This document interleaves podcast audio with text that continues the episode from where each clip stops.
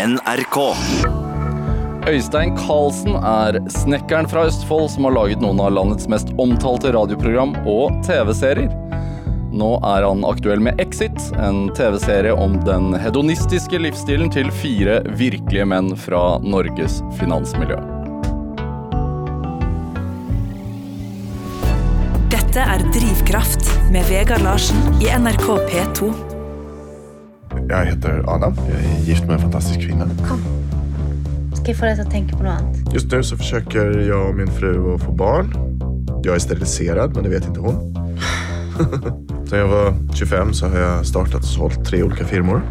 Men eh, eftersom jeg hadde mine første 100 miljoner innan jeg fyllde 30 så eh, har det vært svårare og svårare med tiden å finne den der sortens utfordringer som ger kicken. Det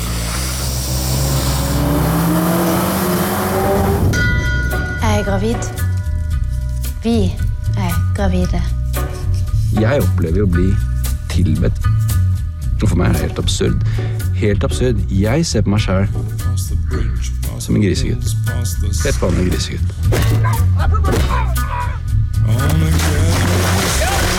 Mennesker som oss, som på bakgrunn av økonomisk ambisjon har dratt samfunnet fremover.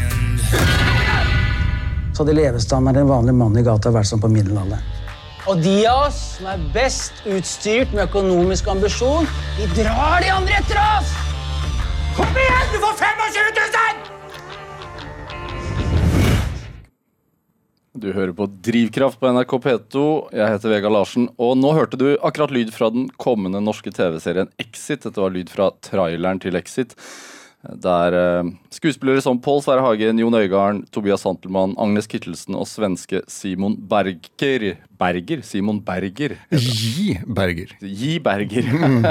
Gest, ja, gestalter folk fra det norske finansmiljøet. Eh, Og mannen bak er, er eh, man, den du akkurat har hørt stemmen til, nemlig deg, Øystein Karlsen. Velkommen hit til Drivkraft. Takk, takk. Eh, kort oppsummert, nå har jeg prøvd å si hva serien handler om, men hva, hvordan vil du definere den? Hva handler Exit om?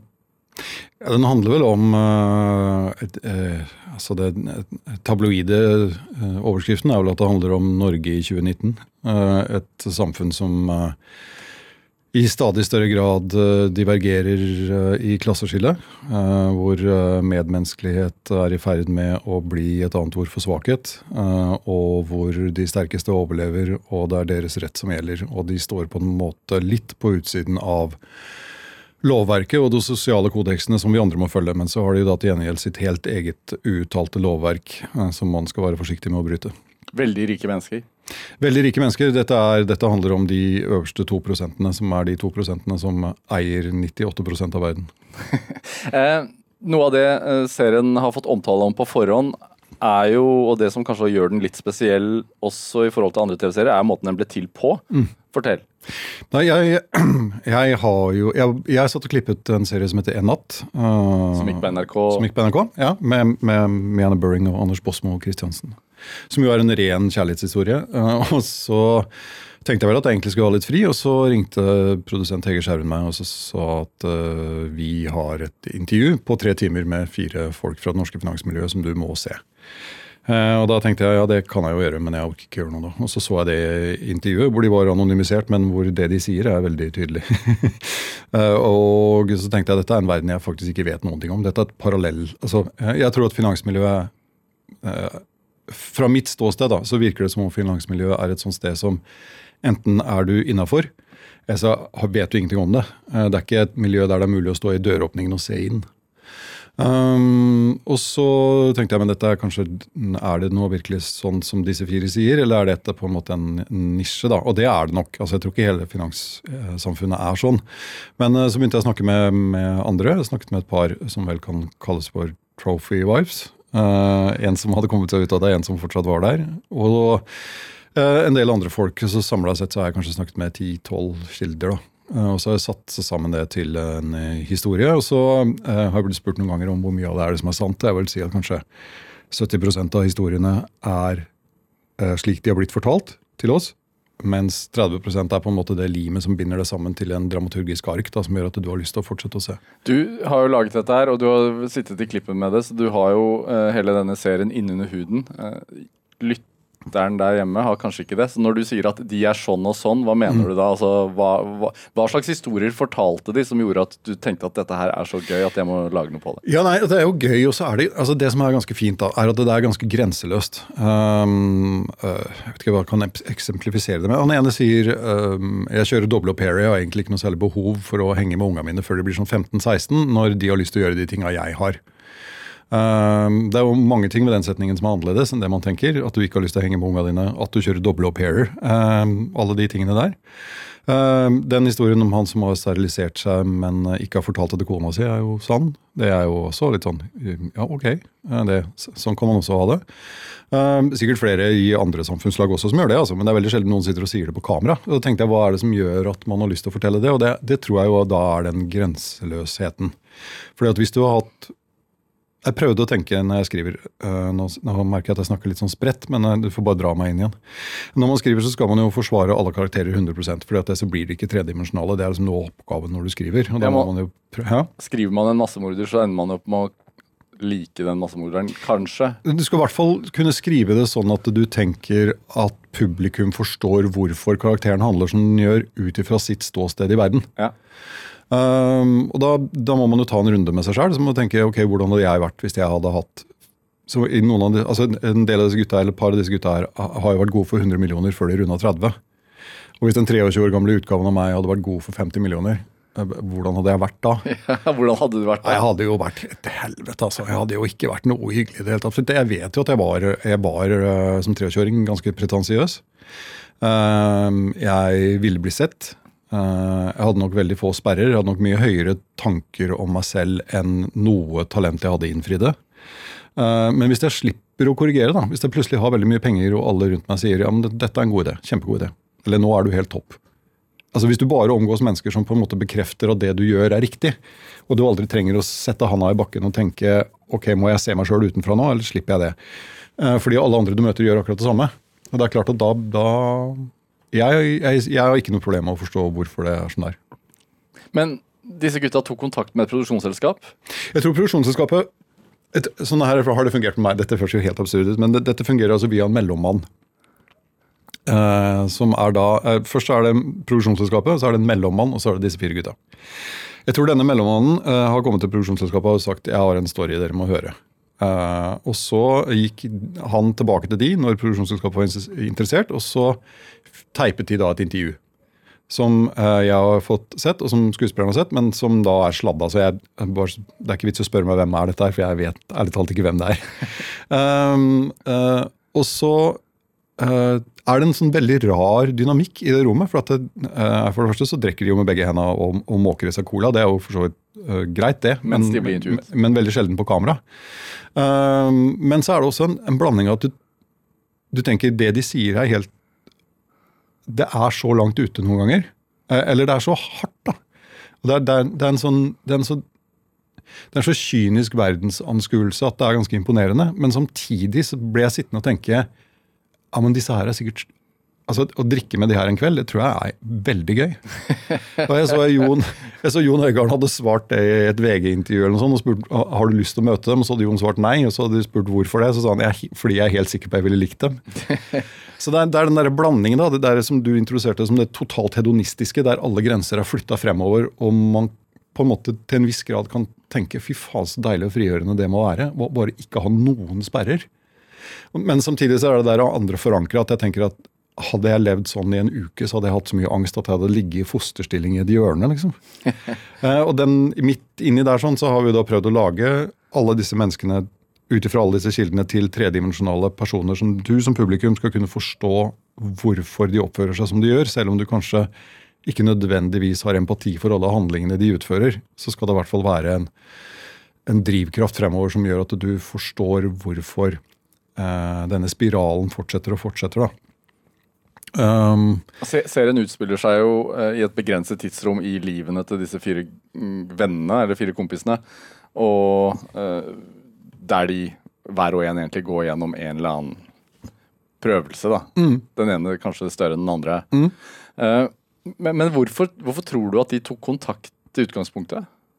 Du, Det vet jeg ikke, men jeg tenker jo at uh, jeg tror Tobias' karakter på et eller annet tidspunkt sier Tenk deg at du er, eh, du er 28 år gammel, og du, eh, har, eh, du har spist på alle de fineste restaurantene. Du har kjørt de feteste bilene. Du har vært på alle de hotellene som du har bladd opp, så har du kanskje sagt ok, 20 feteste hoteller i verden.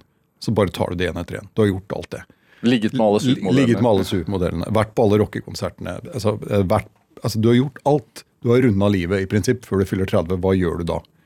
Altså, Hva er det som får deg til å stå opp om morgenen? Hva er det som, som han beskriver det, som jeg gjør hva som helst for, at, for å slippe den monotone duringa av sosialdemokratisk helvete? Altså, hva, du, Det må et eller annet til for å gi deg et eller annet form for kick. Og det kan jeg vel kanskje se at det kan det jo være. Eh, For plutselig så er du jo i en annen situasjon. Du er jo da du kommenterer jo ditt eget miljø, eller du gir et ansikt til ditt eget miljø på en måte utenfra. Eh, og samtidig så det, er det vel en sånn viss sånn Tenk om jeg blir oppdaga, eller tenk om noen finner ut hvem det er. Nå skal det ikke være mulig å finne ut hvem det er, altså, ærlig talt, for jeg har blanda historier og alt mulig sånt. Men, men eh, eh, jeg vet jo at folk kommer til å begynne å spekulere på hvem er dette er. Det ville overraske meg veldig hvis ikke noen i Dagens Næringsliv allerede er ute og spør og prøver å finne ut av hvem det er. Sånn sett så er det jo et veldig godt PR-triks, dette her. Ja, ja, ja. Sånn sett er det jo det. Men eh, til syvende og sist så er det jo egentlig Det hjelper ingenting å si at det er basert på virkelige historier hvis ikke publikum liker serien for det den er. Eh, for det er jo først og fremst så, altså Det jeg tenker alltid når man lager en serie, er at vi konkurrerer ikke Før så var det liksom NRK mot TV 2 eller i noen tilfeller SVT eller hva det nå måtte være. Men det er jo ikke det lenger. Man konkurrerer om folks tid. Eh, og det spiller ingen rolle hvilken kanal man har lenger. Og alt ligger tilgjengelig til evig tid. Sånn at det, jeg tenk, prøver å tenke når jeg skriver manus eller lager serier, at det, det vi driver med, det er å konkurrere mot Netflix og HBO og alle de andre. Men det vi til syvende og sist konkurrerer om, er folks tid. Altså, Skal jeg lese for barnet mitt nå, eller skal jeg få de i seng litt tidligere så jeg rekker en ny episode? Eller, Og den konkurransen har bare blitt hardere og hardere. ja, eller skal jeg orke å være veldig trøtt i morgen tidlig og se de siste fem?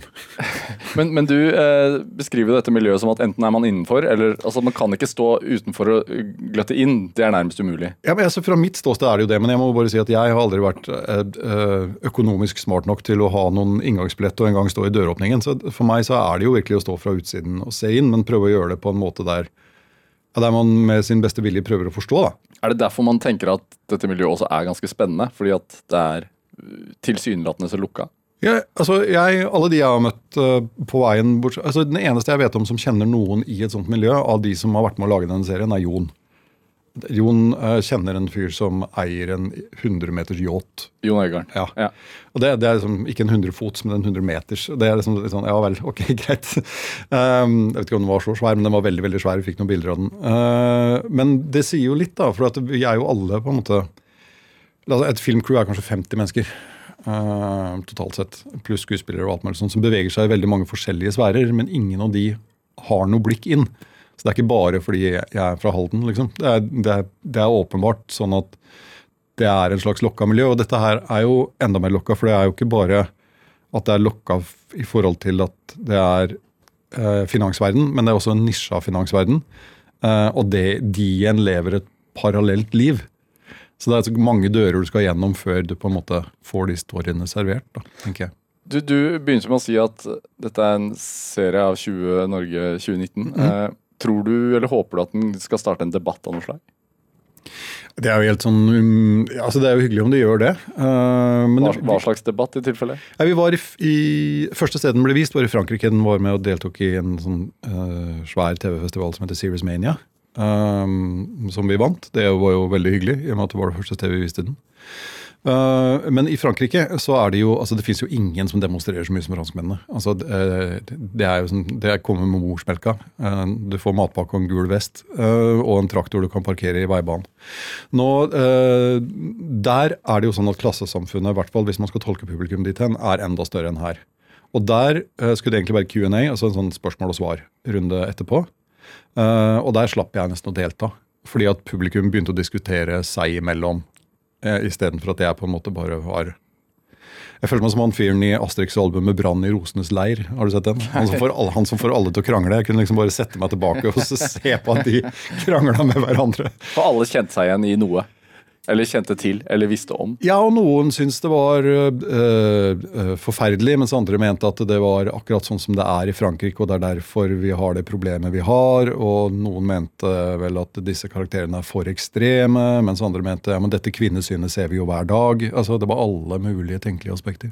Men sånn kort oppsummert, altså hva er det du hva er det Exit vil? Altså, vil er det, altså, for det er jo en dramaserie, og det er en, en, en, historie med en ark, og det er noe som går gjennom en prøvelse og ikke, men hva tenker du at den hva sier den om Norge 2019 som man ikke visste fra før? Eller hva, Nei, ja, hvem, ja. hvem, hvem, er det som ja, Jeg har prøvd veldig, veldig altså, Jeg har prøvd, virkelig prøvd å ikke ha noe moralsk ståsted i det hele tatt. Jeg har bare tatt de historiene som har blitt fortalt, og som jeg har med folk jeg har snakka med, og alt mulig, og bare prøver å vise frem en, en nisje som sier at sånn her er det. Dette er det vi har blitt fortalt, sånn her ser det ut. Og dette er en virkelighet som noen lever i. Og så kan man forholde seg til det som man vil.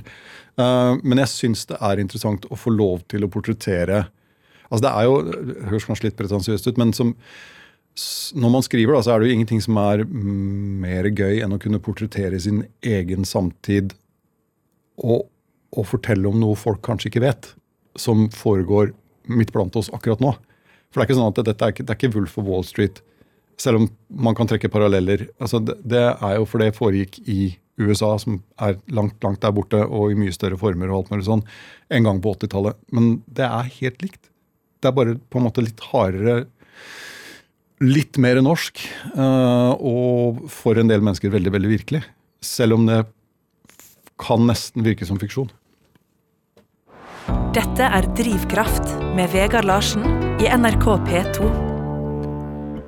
Og I dag har vi mannen bak TV-serien Dag og den kommende NRK-serien Exit her i studio, Øystein Karlsen. Og vi, vi har akkurat prata om serien Exit, som har premiere på NRK førstkommende fredag. er det ikke det, Øystein? Jo. jo. Eh, hvorfor tror du nettopp du ble spurt om å lage dette her? Nja, du. Uh, jeg Det vet jeg ærlig talt ikke. Jeg tenker at jeg kanskje er gan... Eller um, hvis det er noe jeg har lært da gjennom en uh, 70-80 episoder, så er det vel å få mennesker til å snakke noenlunde naturlig med hverandre. Og, og prøve å, å, gi det en eller annen form for sjel. Jeg kan jo håpe at det er det som er grunnen, og at det ikke jeg var tiende mann på blokka de ringte. Det kan godt, For min del kan det godt hende, uten at jeg veit det. Men det var noe jeg som endte opp med det, i hvert fall. Tror du, tror du at de som er i dette miljøet, som jo er, et ikke veldig stort miljø, men tror du at de blir sjokkert over serien? Nei, nei, nei det tror jeg overhodet ikke. Nei, nei det, nei, det kan jeg ikke tenke meg. Uh, nei, det tror jeg er litt som å Litt som å fortelle Led Zeppelin på 70-tallet turnéhistorier. Det tror jeg ikke er noe jeg, jeg, tror ikke, jeg tror ikke det er noe som går i bakken av det, nei. Nei, så Serien har liksom bare rørt overflaten? Altså, tingen er jo, bare, for nå, nå, fokuserer vi jo veldig på det finansmiljøet, men det er klart at en del av disse historiene kunne fint ha utspilt seg i andre miljøer. Det er ikke sånn at det er bare dette miljøet som holder på med dette. her. Det er bare at det, det blir kanskje skrudd på 11 fordi at det finnes så mye mer penger bak det de driver med. Ikke sant? Altså, det å være utro i seg selv er jo ikke en ikke, uh, Eller det å sterilisere seg bak konas rygg, altså det har helt garantert skjedd i byggebransjen. Eller, altså, eller i min bransje, eller hvor som helst. Jo, men det er vel noe med det at de har uh, bl.a. kjøpt en egen leilighet som de fester i, uh, og bruker som et sted for åsted for kokain og hor. da. Ja, det er sant. Men nå så jeg også den artikkelen i Dagens Næringsliv hvor de hadde snakket med et par andre kilder, hvor han ene sa at jo, men det hadde, firmaet vårt gjorde det allerede for ti år siden. For dette, det er mye lettere enn å måtte leie hotellrom, og mye mer diskré. Og, og, ærlig talt, eiendom taper du aldri penger på. Så hvis du først har penger til å kjøpe deg en leilighet til å knarke og hore i, så er det en investering både fordi det er mer diskré, du kan holde på med hva du vil, og du kommer til å få mer penger når du selger den to år senere. Så det er klart det er jo det er, det er, å, se, er å, se, løsninger, føler jeg. Tror, tror du eh, eh, Altså Dere bruker jo The Thief veldig mye. Ja. Eh, hva, hva syns Petter Stordalen om det?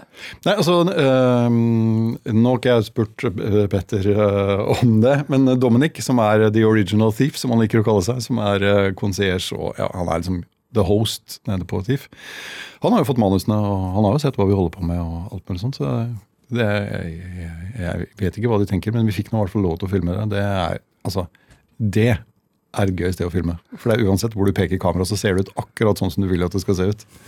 og hvordan er det?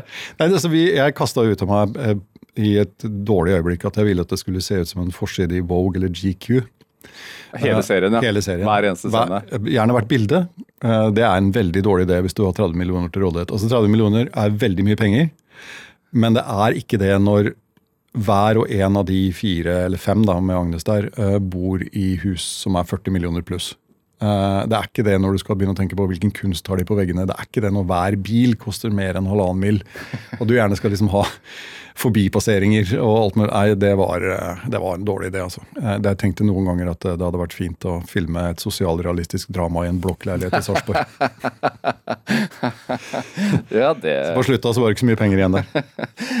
Du nevner Sarpsborg. Du er jo egentlig fra Østfold sjøl. Du er fra ja. ja. Tistedalen. Ja, jeg nevnte Sarpsborg fordi Sarpsborg arkitektonisk sett kanskje ikke er en perle. Men en veldig hyggelig by. Sarpsborg, Norges vakreste by. Mm, ja, det er det, ja, stemmer det.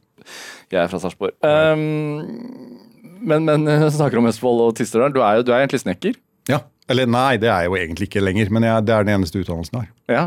Hvor, hvorfor byttet du beite? Jeg ble nok snekker fordi at uh, Jeg kommer fra en uh, Altså, far min begynte å jobbe på fabrikk da han var 14. Far hans igjen begynte å jobbe på fabrikk da han var 13, og før det så var de steinhoggere.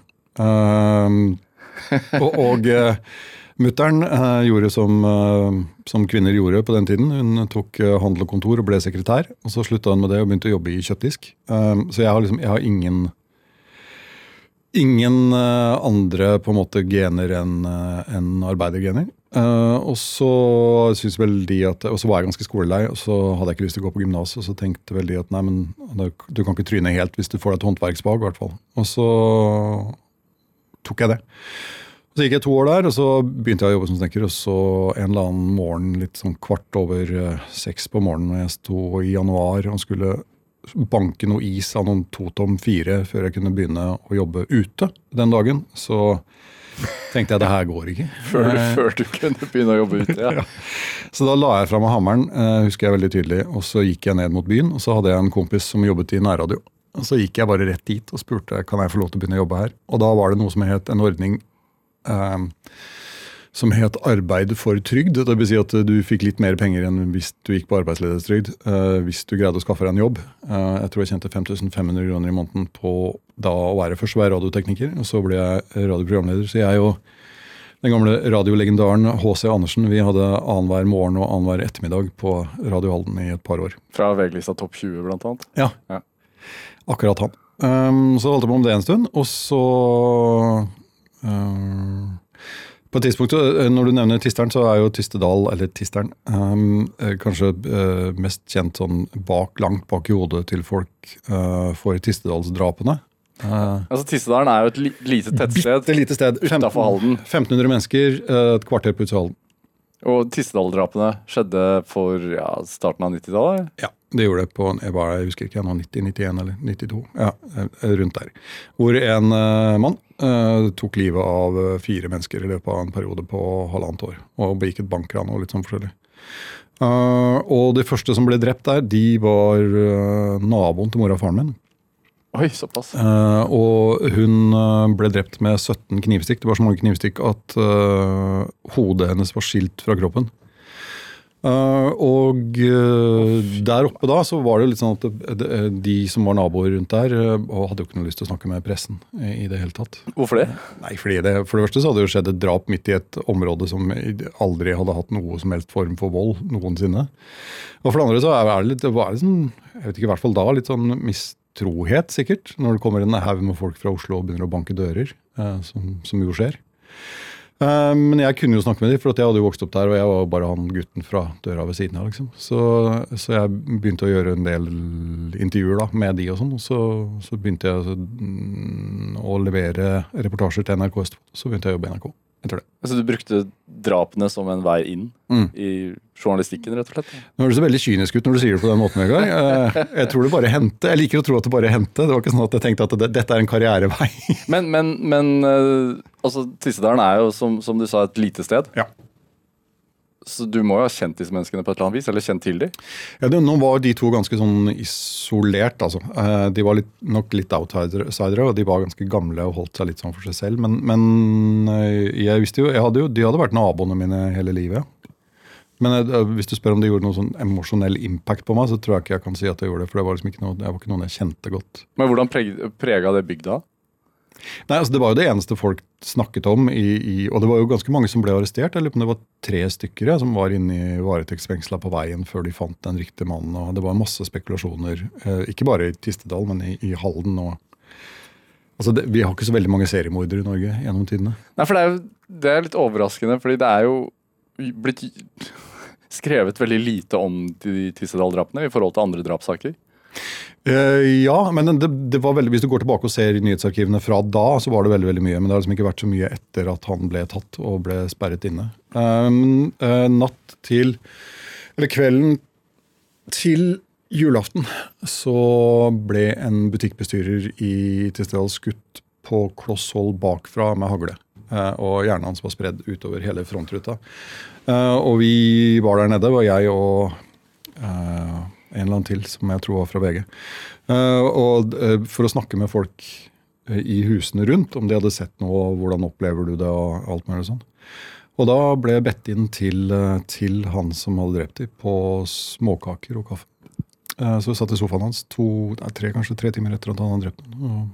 Og han sa jo det er forferdelig. Jeg vet ikke hva jeg skal si. Det er jo, sånt skjer ikke her. Han Roger Haglund. Roger Haglund. Du har sittet i sofaen til Roger Haglund. Hvordan var han, da? Nei, altså, han var helt sjokkert over at dette kunne skje. Han tok oss imot på trappa, og, og ja. Vi ble tilbudt noe kaffe og sånn. så jeg, det var ikke, jeg husker ikke det som noen sånn spesiell happening her, for jeg var jo ute og inn der på tolv minutter, liksom. Men, eh, og så gikk vi til en annen dør og banket på, de var sjokkert, selvfølgelig. Men jeg bare oppdaget ikke noe spesielt med han. Jøss. yes. Du, du Altså, det er, det, er, det, er, det er en grusom tragedie, dette her. Det er jo forferdelig mord. Eh, Du er veldig glad i å fortelle på en veldig eksplisitt, ganske sånn hard måte, merker jeg. Som, jeg vet ikke helt hva jeg føler om det. Men eh, det er ikke laget verken film eller, eller TV-serier om dette her. Nei. Du kan dette inn og ut. Ja, jeg tenker at det hadde nok vært litt for nært, altså. Og så er det jo eh, ikke egentlig en historie man burde kanskje rippe opp i alt for mye. Nå kjenner jeg at jeg fortalte det bare for å liksom fortelle gangen frem til hvor jeg endte opp som jeg gjør. Men det er klart at det finnes jo etterlevninger her av, av både ofra og, og av han. Som overhodet ikke har noen ting med dette her å gjøre, og absolutt ikke har bedt om å havne i den situasjonen. Så jeg tror hvis noen skal gjøre det, så er det ikke meg. altså. Det, det blir ikke. Eh, nok Tistedal-drap. eh, En forferdelig vei inn i journalistikken og, og i NRK, eh, Øystein Karlsen. Du er her egentlig hovedsakelig for å prate om TV-serien Exit eh, og, og ting du har laget på radio og, TV opp igjennom. Men eh, en, eh, inn i en mørk bakgate før vi går videre her, føler jeg. Men, men dette her tar deg altså til NRK. Ja. Og etter noen år, da, fordi du er med å starte Excel, eller du jobber Ja, jeg fikk jobbe i Excel, ja. på P3 I- mm. og, og Herreavdelingen. Og så, og så lager du og Morten Ståle Nilsen, journalisten, og Kristoffer Schou radioprogrammet Et Norge i krig. Ja, Som jo fikk masse oppmerksomhet, det også. Det var jo også et program som sjokkerte, sånn som Exit kanskje kommer til å gjøre. Mm. Eh, hva, hva var det dere ville med det programmet? Det var eh, det var Kristoffers idé opprinnelig, Et Norge i krig, fordi han mente at eh, det var på tide at, eh, at folk våkna opp og, og så hvordan verden rundt dem virkelig var. Da kan man si at Christoffers syn på verden ikke nødvendigvis alltid har vært at det er et deilig sted å være. Så eh, vinklingen vår, og det, der traff han jo helt blink med meg og Nilsen også, som vel har omtrent samme ståsted. Så bestemte vi oss for å lage en slags eh, Hva skal vi kalle det? Et slags dokumentarprogram om virkeligheten der og da rundt oss. Eh, og vi hadde vært ganske sånn tydelige altså, når vi solgte det inn. Jeg så i, for noen år siden på det innsalgsdokumentet som vi hadde. Vi laget akkurat det vi hadde lovt at vi skulle lage. Um, som, var, som handla om alt fra kultur til, altså, til intervjuer med mennesker som holdt på med ting. Eller, altså, det var jo liksom et slags magasin, altså, eller ikke et slags, det var et magasinprogram, men som hadde ståstedet at nå skal du slippe å bli fortalt at allting er bare fint. Nå skal du få høre hvordan vi syns det er. Og Du skrev ofte noen sånne essay-lignende Ja, masse Rants. forskjellige ting. Både, både uh, rants og, og små radiodokumentarer om forskjellige folk. og Alt mulig, egentlig. så var Jeg sånn, jeg og Nilsen var også ute og inn av studio der mens Kristoffer var programleder. Så vi var sånn eh, Ja, Det var ganske gøy, altså. Men det var ganske slitsomt òg. Vi produserte jo ganske mye per uke. Uh, og vi leste, vi leste jo kanskje veldig mye litteratur som uh, ikke nødvendigvis var ekstremt positivt vinkla. Så det er klart det gjør jo noe med deg når du har holdt på med det et halvt års tid. Jeg syns vi skal høre litt lyd fra et Norgekrig. Det er et program som til tross for at det gikk eh, under et halvt år, har fått et sånn klassikerstempel. Ja, det, det, vi fikk en sånn eh, altså Dette er jo helt klart en av de eh, en av de programmene som har blitt bedre i bakkant, vil jeg tro. Eh, etter at det ble tatt av, så har folk liksom laget seg en sånn eh, kult eh, bilde av hvordan det var. Nå har ikke jeg hørt det siden, jeg, så det kan godt hende at dette skuffer. La oss høre. Don Simpson var et geni. Allikevel er det ikke dette han er mest kjent for. Don Simpson er mest kjent for å være helt inn i helvete oppad veggene glad i ekstreme mengder tung narkotika, sprit, horer, sadistisk ekstremt pervers sex med ungjenter, og som et lite tillegg var han imponerende dekadent, groteskt arrogant og lystløgner. La oss ta et konkret eksempel og ta en kikk på hvordan livet til Don var når han produserte en av de mest romantiske ungdomsfilmene som er laget, Top Gun.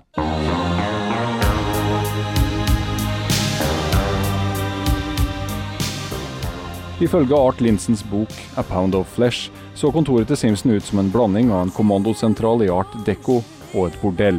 Så var da også castingcouchen her viden kjent. Faktisk i så stor grad at selv lenge etter Kelly McGillis hadde fått den kvinnelige hovedrollen, så fortsatte Simpson å ta inn unge skuespillerinner til audition. De fikk ti minutter på seg til å lese, og deretter bar det ned på rygg. Sesjoner som han i tillegg filmet. På denne tiden hadde imidlertid enda ikke dopforbruket hans tatt helt av. Han tok Toradol for smerter, Librium for humørsvingninger, Valium for angst, Torazin for angst, samt Sanax for generell virkelighetsforstyrrelse. Ja, Du hører på Drivkraft på NRK P2. Vi hørte akkurat et ja, tilbakeblikk på, på radioprogrammet Et Norge i krig som gikk på NRK P3 for eh, mange herrens år siden. Og, ja. og stemmen vi hørte, det var deg, Øystein Karlsen. Mm. Du snakket om Don Simpson. Eh, er li- lett, altså Når man har sett TV-serien Dag, som du har laget, uh, som jeg har gjort, og når du har sett uh, Exit, uh, serien som kommer på fredag, som jeg også har gjort, så man kjenner jo igjen stemmen din i både serien og, seriene og i det, dette radioprogrammet. Det er, det er tematikk du er interessert i dette her. Ja, men så Det skal sies at En natt er ikke sånn. Den er faktisk en, et, et håp og en hyllest til kjærligheten. Nei, jeg tenker vel at Ja, men sånn er det vel. Altså at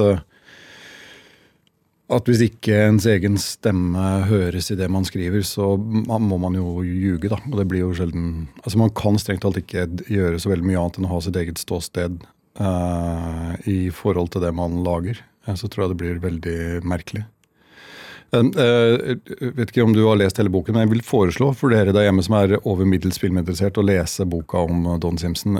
Rett etter dette her så gjør han jo Days of Thunder med Tom Cruise og Nicole Kidman, og da har han på det tidspunktet operert inn silikonimplantater i rumpeballene. Men de sprekker, eh, og den silikonen den renner da inn i blodstrømmen hans, med det til følge at han blir ekstremt kåt og helt rasende.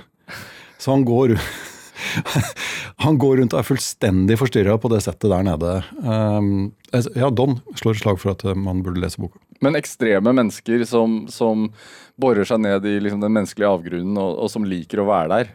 Hvorfor syns du det er så spennende? Nei, det syns jeg ikke er så spennende lenger. Eh, men eh, helt klart at på, når vi gjorde et Norge-krig, så, så var litt av det å være en motvekt til veldig mye som var vi følte vel bableradio som ikke på en måte tok ståsted til noen ting. Så det er klart at, Og der var det nok om å gjøre å dra på litt og prøve å sjokkere. Nå håper jeg vel at jeg ikke gjør det. Nå, nå tror jeg jeg prøver så godt jeg kan å fortelle noe jeg tror er ærlig. Men at det kanskje ikke nødvendigvis er den virkeligheten folk snakker om. Så blitt voksnere på et vis. Det er lov å håpe. Vet, Et Norge ble jo tatt av lufta. Eh, var det som å få en på trynet? Nei, så, øh, det var jo mye rart som skjedde der. sånn. Altså, vi, vi hadde jo kontrakt på et år, øh, og vi hadde jo levert det kontrakten sa at vi skulle gjøre. Og så, så ble vi tatt av til jul. Um, og da var det mye unnfallenhet, gitt. Da var det mye altså Jeg kan skryte av NRK for mye rart, men uh, integriteten til mellomlederne uh, som vi opplevde, skal jeg vel ikke slå et slag for. Uh, og så hadde vi jo da denne pietistiske eh, fyren fra Sørlandet, eh, som jeg har valgt å fortrenge navnet på, og vel håper at jeg aldri kommer til å møte igjen, men som kanskje er den dårligste kringkastingssjefen som noensinne har sittet, og han er også da den eneste som har sittet bare i en periode. Jon Bernander, er det han du sikter til? Det er Jonny vi snakker om her, ja. Um, og det var jo godt han kom seg ut, men og da, eh, er ikke Jon Bernander er jo ikke her, og han får, får ikke Nei. mulighet til å forsvare seg. det gjør han her, ikke. så- Men det gjorde ikke vi heller, så Jonny, dette er 1-1. Men, men ehm, hva gjør det med deg? Fordi du, dere, dere hadde jo jobbet hardt med dette her. Ja, nei, altså, eh, Det at vi ble tatt av lufta, var, det var helt altså, greit. Det var Måten det skjedde på, var ikke greit i det hele tatt. Eh, og Nils Heldal som radiodirektør gikk jo av i protest. Så altså, det, er liksom ikke, det er ikke jeg som sitter og finner opp at dette var en dårlig prosess. Eh, for hvis radiodirektøren tar hatten sin og går, da vet du at, på en måte at fordi han hadde blitt overkjørt, da vet du at dette, er- sånn skal det ikke være. liksom. Pass på, vi må passe på at ikke dette blir en sånn ren sånn Ja, radiostrategi-samtale. Eh, mens, mens dette her skjer, så, så veit jeg at uh, du selv går gjennom en personlig tragedie. Ja, det var faktisk rett før, og det var jo ganske, da var det veldig deilig å ha det programmet. Uh, fordi faren min og broren min døde med seks måneders mellomrom. Og da var vi fortsatt på lufta. Og det siste programmet vi hadde, eh, det husker jeg da var folk veldig redde for at vi på en måte skulle begynne å ta hevn på lufta. sånn. Da laget vi et program som handlet om død, altså om tilknytning til død. Vi gikk jo direkte, vi også, sånn som dette gjør. Uh, og da husker jeg at det sto en del folk liksom rundt i gangene og, og var klare til å gripe inn hvis vi på en måte skulle tråkke over. Men da hadde vi en, eh, en jente i studio som het Synnøve, uh, som akkurat hadde fått barn, men som var i ferd med å dø av brystkreft og visste at hun skulle dø. Um, hvor jeg fortalte om min erfaring med døden, Morten fortalte om sin erfaring med døden, og- Kristoffer da intervjuet Synnøve gjennom tre snakkerunder mens hun var kobla til surstofftank. Uh, som jeg syns er en av de fineste tingene jeg har vært med på laget noensinne. Uh, og da var det ikke om å gjøre på noe som helst måte å dra på. Da var det bare helt nedpå og ærlig hvordan det føles å være i nær kontakt med død. Som jo, enten vi liker det eller ikke, er noe som berører oss alle. Men hva, hvordan, hva gjorde det med deg da, å, å miste to såpass nære på så kort tid? Uh, altså, hvordan preger det arbeidet i ettertid, tenker du? Eh, altså, jeg vil bare fortelle litt om den prosessen. Først da, så var det sånn at Broren min, som er, var seks år eldre enn meg, han var 38 da han døde. Han gikk fra å være helt frisk til å dø på under fem uker. Uh, først så trodde de at han hadde blitt bitt av flått. Uh, men så viste det seg etter to ukers utredning at han hadde noe som heter myelomatose, som altså er at ryggmargen sjøl begynner å produsere kreftceller.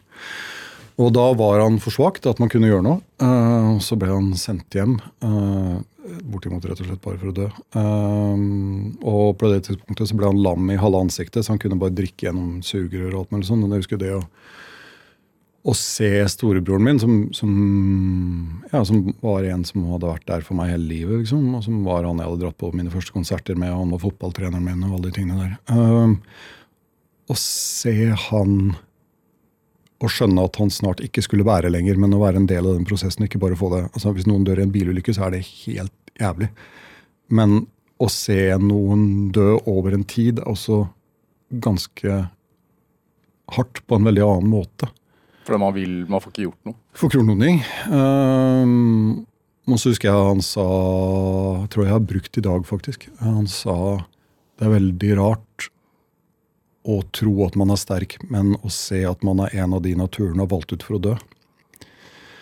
Um, som jo blir en del av det, ens eget virkelighetsbilde. Liksom. For du vet at det kan ta slutt når som helst. Så, å så sånn sett påvirker det jo en, selvfølgelig. Og så, når han døde, eh, så hadde Faren min hadde vært syk ganske lenge, altså. men eh, han eh, hadde prostatakreft. Og han, etter at broren min døde, så tror jeg egentlig aldri helt han fikk igjen livslysten helt. Altså, han døde også delvis av sorg. Ja. Eh, Men det å bære både bror din og far din til grava i løpet av seks måneder, det er klart det Det gir et veldig realistisk bilde av hva livet er. Det gjør det. Og så blir man litt sånn anarkistisk. Av en eller annen merkelig grunn så blir det litt sånn mm, Man blir litt sånn ja, men Hvorfor skal jeg gå i takt, eller hvorfor skal jeg gjøre noe annet enn det jeg har lyst til, eller hvorfor skal jeg betale regninger, eller altså det, alle, sånne, alle, alle ting blir uvesentlig målt opp mot det, da, på et eller annet vis. Og så går det jo ikke an å bryte på en måte reglene satt opp av samfunnet av den grunn. Du må betale regningene dine, og du må gå på jobb, og du må gjøre alle de tingene, men de blir kanskje litt mindre viktig, og andre ting blir mer viktig. Men det, Jeg har ikke noe å sammenligne med, så jeg kan ikke si hvordan jeg ville vært hvis ikke jeg hadde vært gjennom det heller. ikke sant? Så jeg, jeg har egentlig ikke en Svaret på spørsmålet er jeg vet ikke, men, men det er innholdet i det. Men tror du at det kan være en av grunnene til at du som eh, i, i ditt kunstneriske virke, da, mm. for å kalle det sånn, eh, har eh, valgt å være så hard på at du- vil at ting skal bli gjort på den og den måten. Hvis ikke jeg får lov til å gjøre det her, så går jeg et annet sted. Altså Du, du går ikke på akkord med deg selv, liksom. Ja, nei, det, ja, det kan nok hende. Uh, fordi det Sånn er det jo blitt. Uh, det kan nok godt hende, det, altså. At det er en del av grunnen. At man, jeg tenker at uh, men hvis ikke jeg får lov til å gjøre Eller hvis jeg skal gå gjennom en hel prosess med en dårlig magefølelse uh, og tenke at uh, dette er ikke sånn det burde være, da er det bedre at noen andre gjør det enn meg. Ehm, både fordi at resultatet kommer til å bli bedre hvis det er noen som tror helhjertet på det, som gjør det. Men også fordi at det å lage noe, det altså være som det er et radioprogram som et Norgekrig eller om det er en TV-serie, det tar halvannet år av livet ditt. Eh, og det blir man vel kanskje bevisst på at det er halvannet år der klokka går. Dette programmet heter jo Drivkraft. Har du noe Altså, for andre som opplever at nære dør, og, det, det gjør man jo eh, Gjør vel folk stadig vekk, dessverre. Hva, har du noen tips for å komme seg liksom på beina igjen? Nei, vet du hva, det Det tror jeg ville være å sette seg sjøl i en veldig rar og opphøyd posisjon. Det tror jeg er så ekstremt individuelt, både hvordan man opplever tap, og hvordan man opplever sorg, og hvordan man håndterer det. For meg så, så hjalp det å skrive. Um, fordi det har alltid vært en sånn utfluktsvei for meg, tror jeg. Uh, det hjalp å trene. Uh, fordi at da stopper stemmene i hodet litt, hvis man greier å slite seg ut. Uh, og så hjalp det vel å ikke legge lokk på det, men altså bare snakke om det hvis det var noen som hadde lyst. Men så blir man også veldig sånn bevisst på at Eller jeg tror man føler veldig på at nå kan jeg ikke være den som starter den samtalen, fordi jeg vil ikke være den som bare driver og graver grøfter her.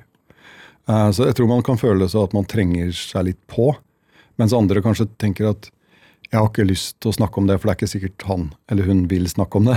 Så det blir en, sånn, det blir en litt sånn rar dans, tror jeg, når, man er i rom med noen som nettopp har mista noen, og så skal jeg snakke om det, skal jeg ikke snakke om det, vil de snakke om det, vil de ikke. For min del så, så var det bare så fort noen hadde lyst til å snakke om det, så svarte jeg på det de hadde lyst til å vite. liksom. Det er jo Altså I kunstnerskapet ditt, altså fra i et Norgekrig eh, med Dag Grefsnes i, i dag, og i Exit også, så det er jo en, det er et mørke uh, i dette her. Eh, det er mørkt, men det er også veldig mye humor. Ja, ja men det er det vel. Eh, er det også en slags sånn eh, overlevelsesmekanisme, eller er det noe som preger deg? Altså sånn, Ja, det er mørkt, men det må, man må kunne le også. Ja, men Det tror jeg vel er, det er, to, det tror jeg er to grunner til det. Det første tror jeg rett og slett bare er det vi snakka om i sted, at det, du skriver fra et sted der personligheten din er. Og så er det jo det det kommer fra. Altså, jeg har jobbet sammen med Hvis jeg snakker om samarbeid med Kristoffer, f.eks., som var på et Norgekrig, så har jo Kristoffer også skrevet men jeg har vært med og skrevet mesteparten av det som jeg har skrevet, bortsett fra Exit. Uh, og vi har vel litt sånn det samme forholdet til det, at det er nesten, det går ikke an å Det kan ikke bli for mørkt å kunne lese. Og det andre er at det, det er en ren sånn skriveteknisk ting. fordi at eh, hvis du lager noe som bare er mørkt, så har det ingen dynamikk. Um, så hvis ikke man får lov som tilskuer til å komme opp for luft, så er det ingenting av det vonde som gjør vondt. Eh, og det er heller ingenting av det morsomme som er morsomt. Altså, det, det, må være en, det må være en blanding. Så Så kan man godt på en måte få det til å kollidere innimellom og få på en måte latteren til å sitte fast i halsen, men, men til syvende og sist så, så må den dynamikken være der, ellers så slutter man å bry seg, tror jeg. Eh, Og det må ikke selvfølgelig nødvendigvis være vekselbruk mellom tungt drama og komikk. Men noen sånne forskjellige bestanddeler må man flette sammen. Ellers så blir det klaustrofobisk og uutholdelig å se på. Og så er det jo sånn at, at i de mørkeste tilfeller så er jo vi mennesker konstruert sånn at det er på en måte en, det er en forsvarsmekanisme. At man begynner å le av det. Uh, og det, det er en veldig menneskelig egenskap, tror jeg. Så det, det fungerer jo, det. Syns vi skal høre litt lystig musikk, jeg. Det kan vi gjøre. Uh, du bruker musikk veldig aktivt i tingene dine. Ja. Eh, og i Exit så er Leonard Cohen-låten 'You Want It Darker' en gjennomgangslåt. Ja, det er det. Hvorfor den? Du, øh, det der er litt sånn vanskelig, for at, øh, når man sitter i klipperommet, så prøver man jo masse forskjellig musikk til forskjellige scener. Uh, men så prøvde vi den Jeg syns det er en veldig fin låt, men så prøvde vi den til eh, en scene i episode én, og så var den så ufattelig fin at den på en måte ble en slags gjennomgangslåt. Den, virket, den virket som den passet på ganske mange scener i serien.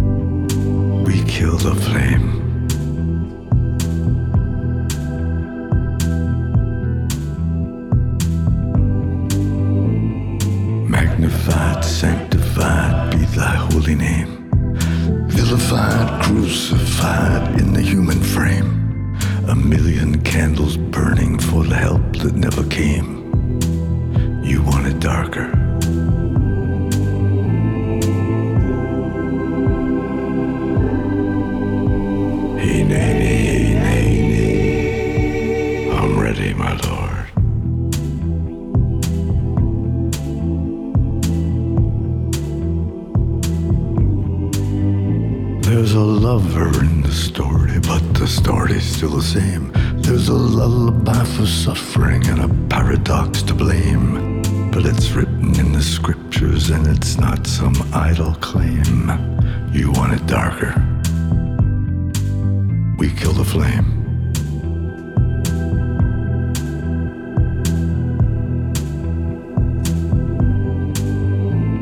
They're lining up the prisoners and the guards are taking aim.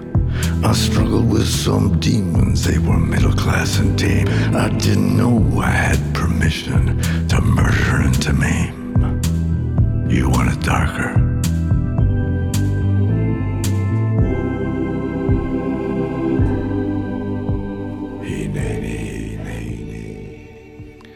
You Want It Darker av Leonard Cohen der også. Du hører på Drivkraft på NRK P2, og i dag har vi regissøren av eh, den kommende NRK-TV-serien Exit her i studio. Han har også laget Dag, som var veldig stor på TV2.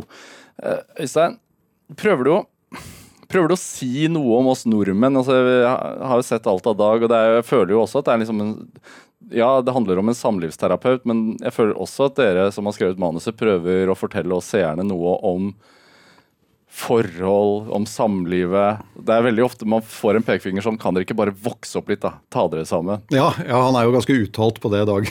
Jo, men det er, det er, det er, dere, det er dere som har skrevet dette her. ja. ja, nei, det er alltid lov å gjemme seg bak uh, fiktive figurer. Nei, altså eh, Ja. Uh, ja er vel svaret på det. At uh, Har dere satt et barn til livet? Slutt, da. Da må dere ta må det ta ansvar. Ja. Ja. det, ellers så kunne dere ha tenkt på det før. Bare ha en viss forhold til, eh, til konsekvensanalyse, liksom. Um, og så var det veldig deilig fordi at Atle er så bra på å levere sånne rants. Så det, og litt av det òg. Altså at det var liksom deilig når man først begynte å skrive, så kunne man bare dra av gårde, for du vet akkurat hvordan det kommer til å bli levert. Uh, men man kan tømme seg ganske greit, da. Men eh, det, det var mye der altså som var, uh, som var ganske personlig òg. Eh, som var henta fra egne liv, og hvor Chris og jeg stjal av hverandre. Og, og, så ja, det er ikke mye Det er ikke mange av våre bakgrunnshistorier som ikke er kommet på en eller annen måte frem i dag. Men, men eh, tenker du at eh, dette fortjener liksom Altså, folk må, må, må oppdras på et vis. Det er, det er for mye det er for, for mye positivitet ut der ute. Folk må ta seg sammen. Folk, folk må oppdras altså, også Ja. i voksen alder. Ja, nei, altså, i- det ikke for, Jeg syns ikke det er for mye positivitet, men jeg syns kanskje det er uh, litt for mye staffasje og innpakning. At man kanskje bare kunne Jeg tror, og jeg vet ikke om jeg er noe bedre på det altså, enn andre, men jeg tror kanskje det hadde vært litt lettere å være menneske hvis man hadde vært litt mer direkte mot hverandre. Altså, det, mm, eh, sånn til sammenligning så har jeg vært i noen sånn, jeg har vært i, jeg har vært i noen sånn businessmøter i USA, eh, med noen TV-serier og sånn remake av Dag og sånn, som aldri har blitt noe av. Men, men når du går ut av det møtet, så er det alltid sånn Ja, men dette er fantastisk. Dette, altså, dette må vi jo bare gjøre. Og så hører du aldri noe. Det har lært meg til, det er et Hollywood no hvis telefonen din aldri ringer. Men, men det, er også, det er litt sånn overførbart til en del omgangsform oss mennesker imellom. Da. Vi er så, Spesielt i tiden av å bli krenka, så er vi så ekstremt redde for å trå hverandre på tærne at det er nesten ingen som er direkte lenger. Det er, altså, Noen ganger så hadde det sikkert vært bra hvis noen bare kom bort til meg og sier nå du far skjerpe deg. altså. Nå må du ta deg sammen.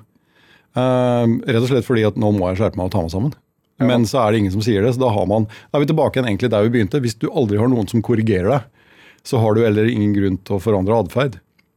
Det, er derfor disse folkene oppsøker samlivsterapeuten Dag Refsnes også. Egentlig bare for å få den pekefingeren. Ja, altså, ja, akkurat den samlivsterapeuten er ganske masochistisk å oppsøke, jeg tro, hvis du virkelig har problemer. Men det er, det er jo litt det. Altså, det som gjorde at den serien nok funka, var fordi at eh, selv bak komikken og de rare rantene så lå det en eller annen form for sannhet som man kjente seg igjen i. Mm.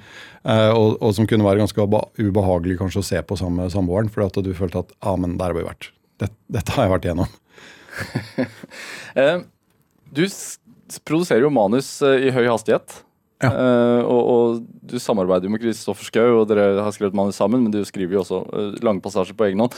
Uh, denne skapertrangen din, hvor kommer den fra? Altså, som du, du sa i innledningen her uh, på denne timen, så, så er du fra en familie av, av håndverkere. Eh, men, men du har en voldsom skapertrang, får jeg inntrykk av. Ja, eh, det starta nok helt sikkert som det. Altså jeg vet at jeg En eller annen gang i femte klasse så hadde vi et sånt prosjekt at vi skulle skrive en film. Eh, som man skulle filme med, med sikkert sånn svært gammelt VHS-kamera. Eh, og så skulle det være på minimum fire sider, og det, da vet jeg at da skrev jeg ut jeg tror det var halvannen kladdebok. jeg. Som jeg leverte da liksom dagen etter. Jeg vil si det var å overprestere. Eh, men det var nok ikke fordi at jeg hadde lyst til å skrive halvannen kladdebok. Det tror jeg bare var fordi at historien varte så lenge. Så det, det er noe så det, Jeg har nok alltid hatt det, eh, tror jeg. Og så var jeg veldig veldig sjenert da jeg var liten. Og, og litt sånn Det var vel lettere da å skrive enn å snakke med folk, vil jeg tro. Jeg vet jeg satt veldig mye og lekte med figurer uh, aleine og sånn. Introvert og fantasifull. Ja, jeg var nok, altså jeg var sjenert, rett og slett. Og, og det var lettere på en måte å la de små figurene snakke sammen enn å på en måte uh, sikkert snakke med andre. Du fremstår jo ikke så sjenert lenger. Nei, uh, det eh, er jo også pussig. Altså For det første så har jeg sikkert vokst det av meg. For det andre så uh, hadde Det høres ut som jeg er verdens merkeligste fyr, men En gang i femte klasse så fikk jeg noe som heter hjernebetennelse. Som er en sånn betennelse som setter seg på nerven mellom hjernehalvdelene. Um, Ikke hjernehinnebetennelse? Nei, hjernebetennelse. Eh, Så, som, så vidt jeg kan huske ble forklart, er det noe som setter seg på da, liksom, koblingen mellom de to hjernehalvdelene. Så jeg lå på sykehus ganske lenge og var ganske sånn dårlig, og så kom jeg ut av det. og da, Jeg lurer på om rett og slett bare jeg ble, at naturen bare lobotomerte meg på et eller annet vis. For jeg kan huske at etter det så var jeg ikke, var ikke så sjenert lenger. Etter det. Nå merker jeg at jo mer jeg snakker, jo rarere høres jeg ut når jeg snakker. Det var, men da blir man ordentlig sjuk. Ja, jeg var ordentlig sjuk. Altså. Det var mye rart med meg akkurat eh, på den tida der. Men eh, jeg, jeg ble eh, bedre av det. Men, men hva tenker du er en god egenskap å ha i ditt yrke, da? Samarbeid. Ja. Og høre på andre. Det er det. Helt fra første manusprosess.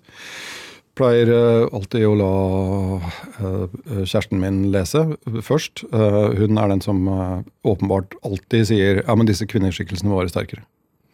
Uansett hva jeg leverer. Nei, denne, dette må være, Hun må ha en tydeligere stemme. Uh, og så sender jeg ut til skuespillerne.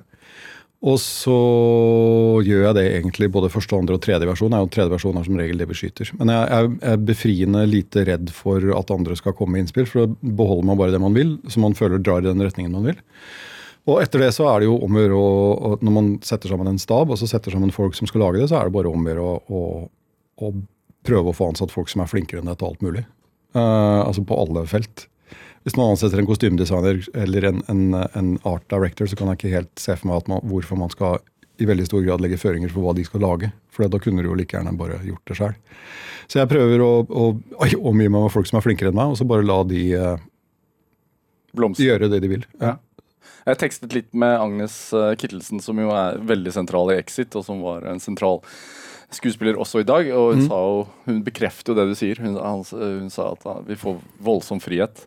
Uh, og han stoler på oss, og det, det bidrar til at vi også våger uh, mer og går lenger enn vi kanskje ville gjort hos andre. Ja, jeg, husker at eh, når, først, når vi fikk Dag, eh, så hadde jeg jo aldri gjort noe som helst. Eh, Så jeg bare lata som jeg kunne regissere. Det kan godt hende jeg fortsatt gjør, altså, men, men da kunne jeg virkelig absolutt ingenting. Så jeg, liksom, jeg nileste bøker på hvor sette kamera og hvordan regissere skuespillere og alt mulig sånn. Innimellom angstanfall for hvordan dette her skulle gå. Men da husker jeg jeg leste en sånn setning av Clint Eastwood, og det er Han har to sånne læreregler. Det ene er hvis du må heve stemmen over naturlig nivå når du er på sett, så har du ansatt feil folk. Eh, og eh, hvis du må regissere skuespillerne, så er det stor sjanse for at du har kasta feil. Eh, og Sånn er det selvfølgelig ikke, det er satt ekstremt på spissen. For det, men det man skal gjøre som regissør, tror jeg da, det er å la alle få lov til å gjøre jobben sin eh, best mulig, uten å legge seg for mye opp i det. Men så skal man sørge for at alle drar i samme retning, og at eh, de har samme smak. Eh, og så må man stole på at eh, flere hoder er bedre enn ett etter det. Fra å være snekker til å lage radio og nå, nå TV-serier, og du har lagd film, spillefilm også. Hva er, hva er drivkraften din? Dette programmet heter Drivkraft. Jeg, jeg, jeg vet ikke, altså. Jeg, jeg, vet at, uh, jeg vet at jeg er ekstremt heldig som får lov til å holde på med det jeg gjør. Uh, jeg har vært sammenhengende i produksjonen siden 2009. Og det er jo helt eh, Det er så privilegert at det å ikke fortsette med det så lenge man får lov til å leke, det, det virker eh, både arrogant og litt uutholdelig. Eh, For det er så veldig mange andre som har lyst til å gjøre akkurat det samme. eh, Som ikke tok snekker, men faktisk er utdanna til det. til utdanna til å gjøre det her. Så, eh, og så syns jeg det er kjempegøy å fortelle historier. Og jeg har, får fortsatt kick av den der greia når man sitter og skriver og man slipper å legge seg opp i historien. Altså hvor karakterene begynner å snakke sammen uten at Og du bare kan skrive det ned. Når man havner inn i den der flytsona, det syns jeg fremdeles er fantastisk. Så jeg, jeg syns at jeg er superheldig, og, og vet at jeg er veldig privilegert som får lov til å holde på med det. Så får vi se hvor lenge det varer. Veldig hyggelig at du kom hit til oss, i hvert fall. Tusen takk for at jeg fikk komme.